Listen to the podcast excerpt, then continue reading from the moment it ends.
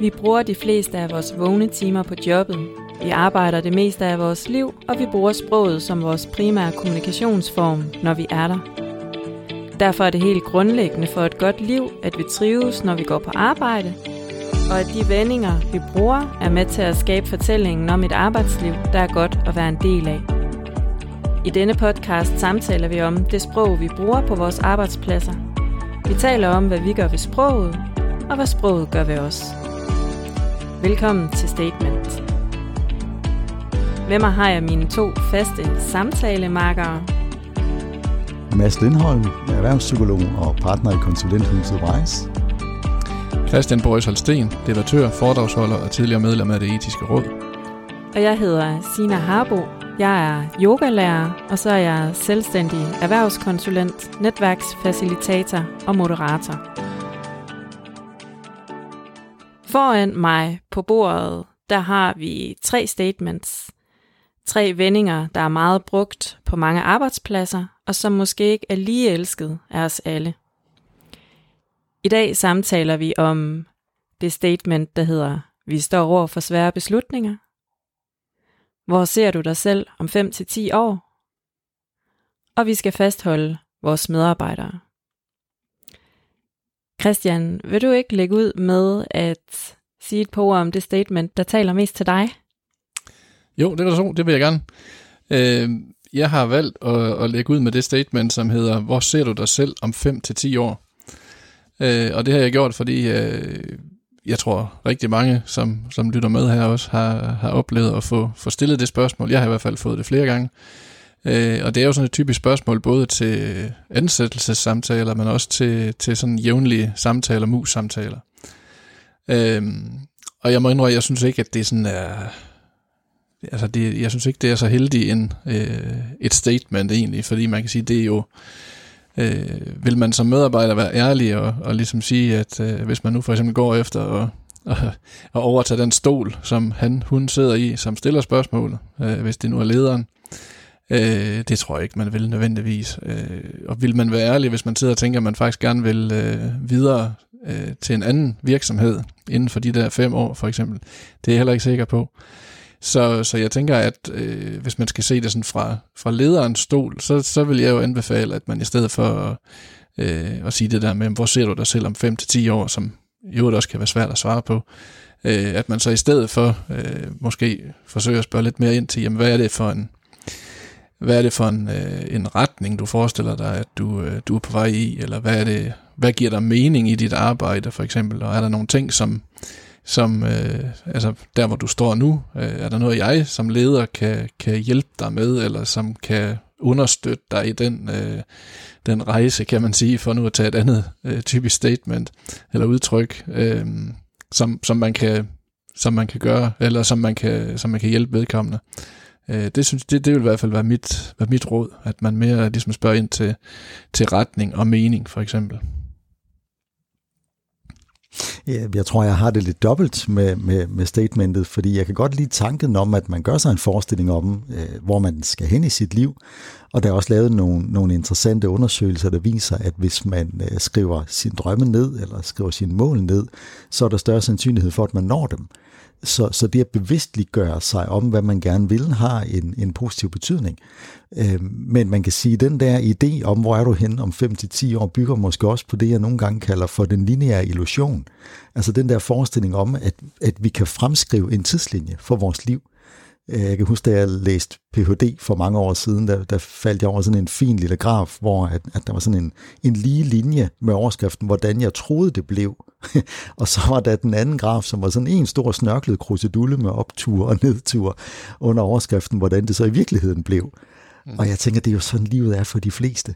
Øh, og, og derfor vil jeg sige, at det, der måske er mere interessant, det er at se på, på de vendepunkter, der har været i ens liv, øh, sådan retrospektivt, fordi det siger på en eller anden måde også noget om, hvordan handler man i de situationer, hvor der sker forandringer. Øh, og jeg tror i hvert fald, at, at den øh, hvad skal man sige, sådan mere historiske tilgang kan være interessant i forhold til at finde ud af, hvad, hvad der så rent faktisk kommer til at ske. Øh, fordi det jo i virkeligheden meget handler om, hvordan, hvordan takler man de udfordringer, de livsvendinger, de, de vendepunkter, som man møder i, i ens tilværelse. Jeg synes også, at det er vigtigt at gøre sig bevidst om, at det ikke kun handler om, hvad vi vil ude i fremtiden, men at vi også har det godt og er tilfreds der, hvor vi er nu. Ja. Mm. Det fundament, vi skal bevæge os fremad på, det er jo det, der eksisterer lige her og nu. Og ligesom det kan være svært at forestille sig, hvordan, hvordan ens liv ser ud om 5 til 10 år, så kan det faktisk også godt være svært helt at begribe, hvordan livet egentlig er lige nu. Altså som Søren Kierkegaard måske sagde, vi forstår livet. Vi lever livet forlæns og forstår det baglæns. Jeg ved ikke, om det var ham, der sagde det. Det, det der er i hvert fald en klog mand, der engang har sagt. Han er citeret for det i hvert fald. Er, er det citeret for det? For mig er det faktisk lidt uklart, om det er jo grunden bare ham, der sagde det. Men det er nu ligegyldigt, fordi ja. sentensen er meget god. ja.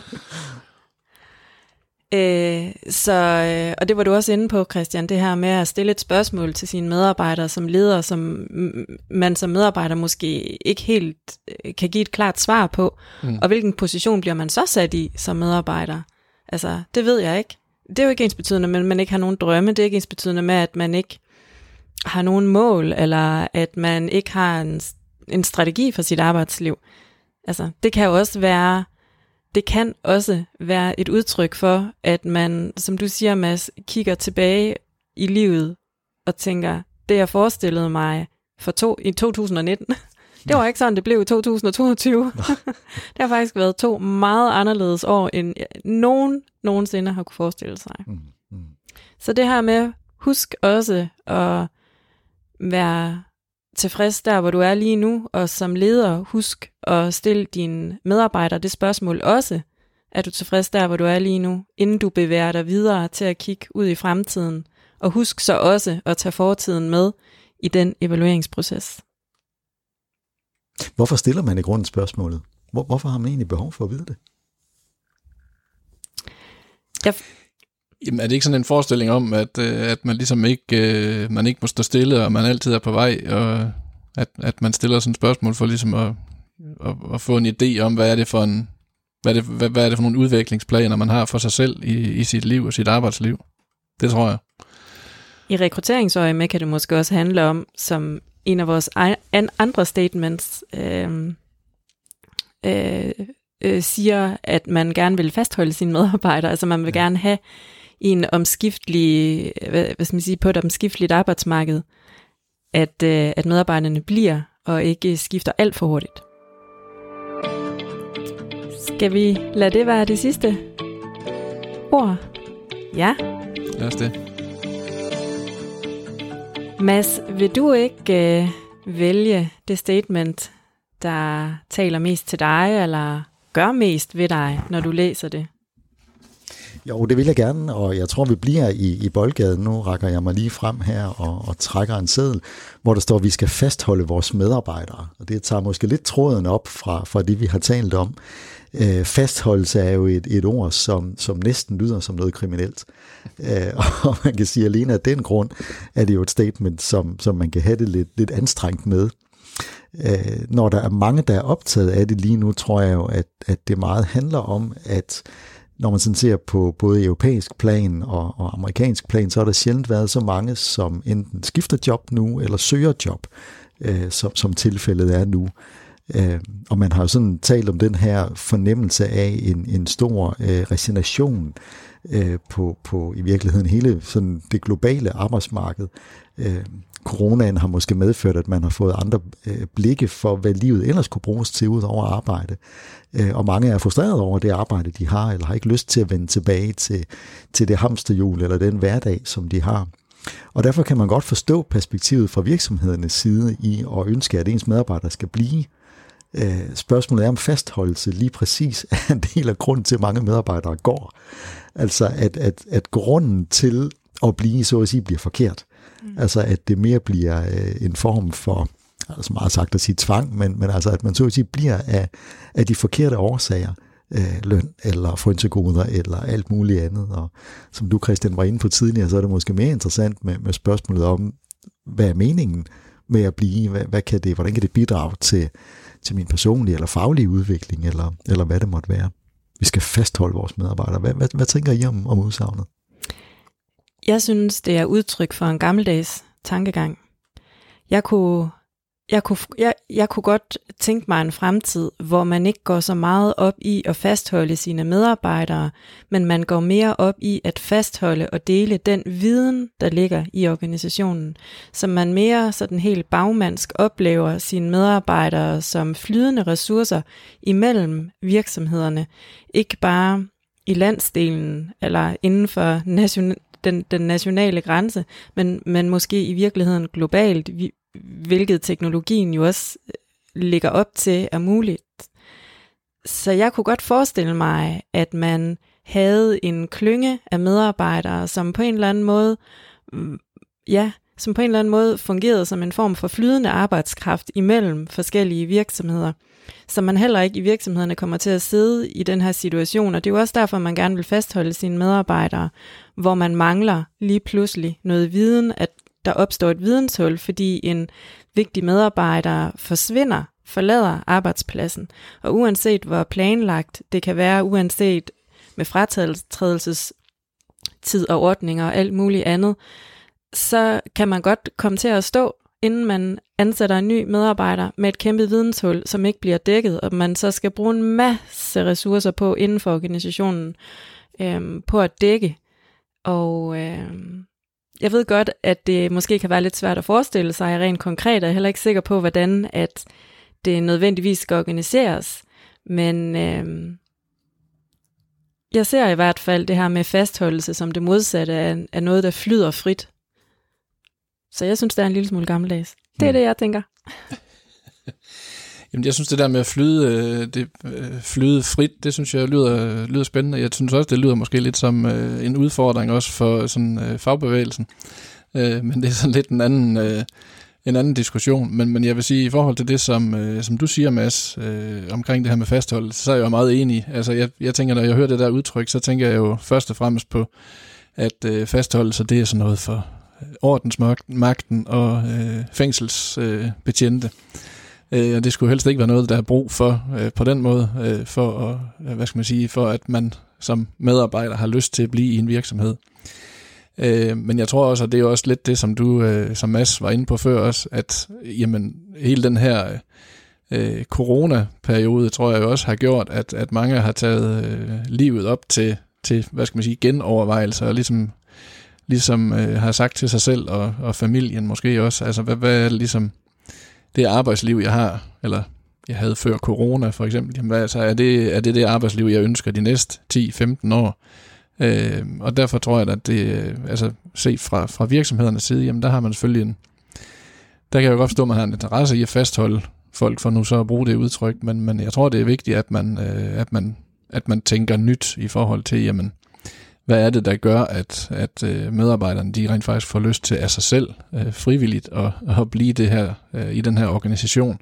Og der tænker jeg, at det har selvfølgelig meget at gøre med, at man, øh, man kan se meningen med at, at gå på arbejde, og ikke kun sådan i forhold til, til de konkrete opgaver, man sidder med, men man ligesom også kan se, at man på en eller anden måde, øh, at det giver mening på sådan et, et større plan, at, at, at man faktisk bruger sin, sin vågne tid, eller den meste meste delen af sin vågne tid øh, på, øh, på det her job. Det er jo et spændende perspektiv, Christian, du nævner i forhold til fagbevægelsen også. Øh, nu kan man sige, at man, man bruger udtrykket i øjeblikket øh, præ- prekariatet som udtryk netop for den type medarbejdere, som har nogle prekære ansættelsesforhold. Altså for eksempel de her meget løst koblede, eller øh, den her øh, næsten hele her, der er freelance medarbejdere. Hvordan sikrer man gode ansættelsesvilkår og ordentlig løn og, og øh, øh, i det hele taget efteruddannelse, hvilke perspektiver der nu ellers kunne være øh, som, som problemdimensionen af det, og det du, Sina, peger på, det er jo i virkeligheden mulighedsdimensionen. Mm. Altså jeg siger, hvis man shuffler lidt mere frit mellem virksomheder, så er det måske i virkeligheden en kæmpe styrke, at man ikke fastholder medarbejderne, men at man fastholder sin udvikling, eller sin mening, eller sit vidensniveau, men at det ikke er så, øh, hvad skal man sige, så individborget. Mm. Øh, og måske også interessant som medarbejdere og, og, og skifte lidt mere mellem forskellige typer øh, af virksomheder, øh, lære forskellige kulturer at kende osv. Mm. Altså jeg kommer lidt til at tænke på også i forhold til det der med det flydende øh, arbejdsmarked, øh, at i forhold til det der med at, at hele tiden holde sig opgraderet, eller øh, hvad hedder det, altså udvikle sig, at der var også, nu kan jeg ikke huske, hvem der har sagt det, men på et tidspunkt var der jo en, der sagde det her med, at jamen, hvis vi investerer i, at medarbejderne, de, øh, hvad hedder det, altså videreuddanner sig, jamen tænk nu, hvis de forsvinder fra os, hvor, hvor det modsvarede det så var, jamen tænk nu, hvis vi ikke gør det, og de bliver. Altså det er jo sådan set meget værre. Ja, ja. og det er fuldstændig rigtigt. Man skal ikke nødvendigvis være så bange for det, der forlader organisationen, men måske være mere opmærksom på det, man får ind i organisationen. Ja, en opmærksomhed på det, der bliver i virkeligheden, mere ja. end en opmærksomhed på det, der forsvinder. Ja. En god pointe. Vi øh, har det tredje og sidste statement liggende foran os på bordet, og det trækker jeg. Vi står over for svære beslutninger. Det første, jeg tænker, det er, det minder mig om det minder mig om hele debatten om, skal vi kalde det for problemer, eller skal vi kalde det for udfordringer. Mm. På den ene side, så kan jeg godt se, at det er en enormt værdiladet sætning. Vi står over for svære beslutninger. Så har man allerede på forhånd besluttet sig for, at det næste stykke tid, det bliver, det bliver svært, og det bliver besværligt, og det bliver hårdt, og uanset, uanset hvilken beslutning vi træffer, så kommer vi til at skulle sige farvel til noget værdifuldt. Det er det, jeg umiddelbart selv synes, der ligger i sætningen. På den anden side, så synes jeg også, at man skal have lov til at smide ordet på bordet og sige, når noget er svært. Så jeg har det en lille smule dobbelt med den her sætning. Jeg synes godt, at man må have lov til at sige, når der er noget, der er svært. Det jeg synes kunne være en lille opblødning af sætningen, det er jo selvfølgelig at sige, at vi står over for beslutninger. Hvordan oplever I det? Så man lader det op, være op til medarbejderne, hvis man ønsker at træffe trække dem med ind i beslutningsprocessen og gøre dem medbestemmende, kan være med til, hvad skal man sige, at definere, hvordan at det opleves, at der skal træffes en beslutning. Fordi det, nogen oplever som en svær beslutning, kan måske for andre være ganske simpelt. Og jeg forestiller mig også en leder, der står og siger til en medarbejder, vi står over for en svær beslutning, og så siger medarbejderen, jamen kunne vi ikke bare gøre det sådan her? Og så havde lederen haft en blind plet, og havde slet ikke set den her mulige løsningsmodel, som medarbejderen kommer med, og står der og øh, føler sig måske en lille smule dum. mm. Og så ligger der også, og det er det sidste, jeg lige vil sige, der ligger også en værdi i og, øh, at, og øh, involvere sine medarbejdere, når der skal træffes beslutninger. En ledelse, som ikke tør at fremstå som en ledelse, der ikke nødvendigvis har svaret på alt, er ikke en svag ledelse. En ledelse, der tør at fremstå som dem, der træffer beslutningerne, som tager konsekvenserne, men samtidig også godt ved, at der er en medarbejdergruppe, som har nogle kompetencer, der kan trækkes ind, virker troværdige. Så det var, øh, det var lige umiddelbart det, vi står over for svære beslutninger gør ved mig. Christian, jeg sender ordet videre til dig. Ja, jamen tak for det. Jamen altså, jeg vil sige i forhold til det her med at, øh, at stå over for svære beslutninger, altså for mig, der, der tænker jeg, at det statement, det har jo, det vil jo typisk have noget at gøre med nogle organisatoriske forandringer. Øh, og der, der tænker jeg, altså når man sådan læser øh, ledelseslitteratur, jamen, så øh, får man jo tit det indtryk i hvert fald, at, at der øh, blandt medarbejdere helt generelt er øh, sådan per automatik nærmest en modstand imod forandringer. Øh, og det er jeg faktisk ikke sikker på, det er rigtigt. Altså, jeg, jeg tror først og fremmest, at der er modstand mod uklar ledelse. Dårlig og uklar ledelse, det tror jeg.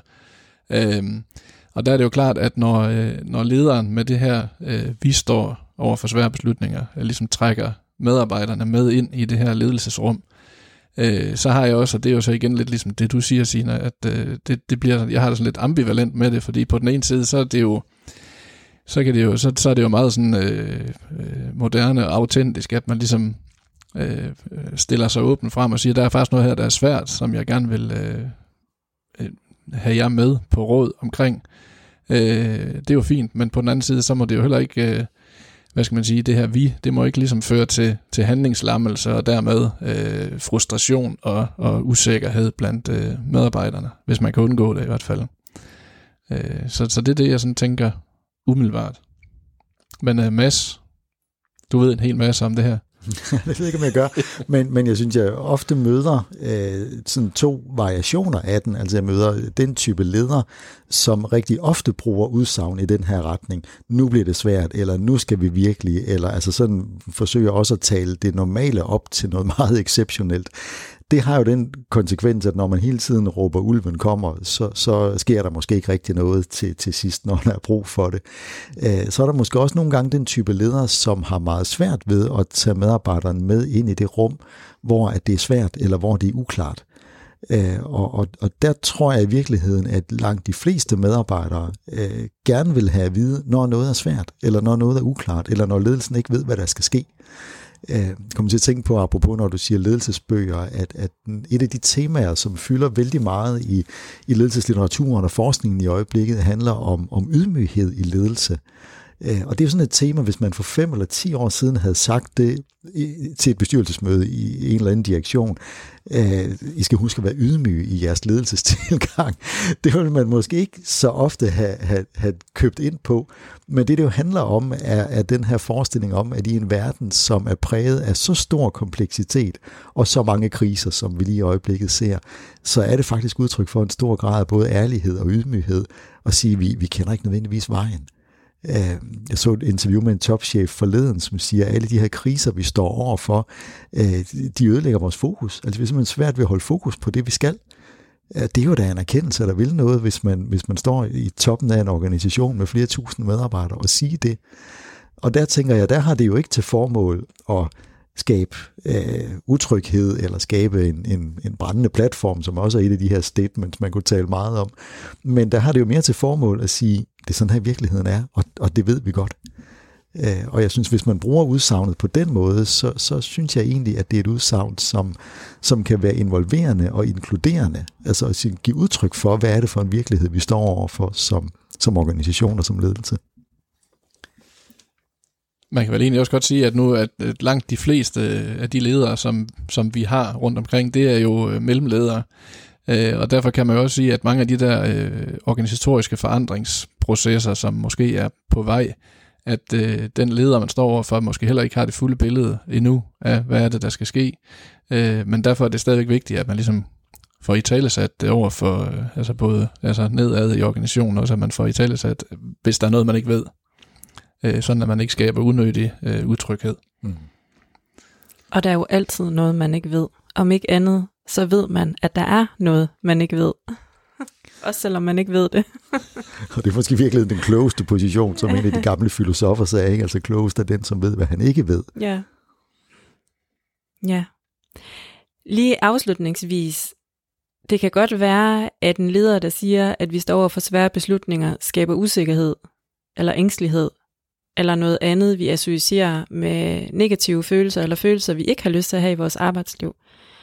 Men det er jo en følelse, ligesom alle andre følelser, og det er jo en følelse, der opstår, når den opstår. Så vi må vel også godt nogle gange være usikre. Problemet er vel, hvis ikke der bliver taget hånd om den usikkerhed. Det kan godt være, at den usikkerhed ikke kan gå væk, men så kan den i tale sættes. Der kan på en eller anden måde gøres plads til, at den eksisterer blandt medarbejderne. Altså jeg er jo meget fortaler for, for det, man kunne kalde svære følelser på arbejdet. Øh, jeg synes, det er en stor problemstilling, at vi i så høj grad har fokus på, at vi skal være glade, eller begejstrede, eller passionerede. Øh, det er faktisk ok, at det er svært. Det er ok, at arbejdssorg øh, også findes, ikke kun arbejdsglæde. Øh, så jeg tror ikke, at det er de svære følelser, der er problemet. Jeg tror, det er det at få lov til at være i dem, eller, eller mangel på samme. Det var endnu tre statements, og nu siger jeg endnu, fordi at øh, det er jo det, vi gør i øh, de podcasts, vi laver her i Statement. Vi ser på tre statements hver gang, og i dag har vi talt om, vi står over for svære beslutninger. Det er den, vi lige har behandlet. Hvor ser du dig selv om 5-10 år? og vi skal fastholde vores medarbejdere.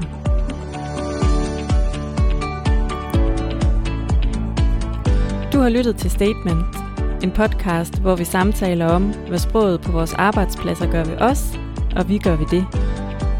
Jeg hedder Sina Harbo. Jeg hedder Mads Lindholm. Og jeg hedder Christian Borgsholt Sten. Tak fordi du lyttede med.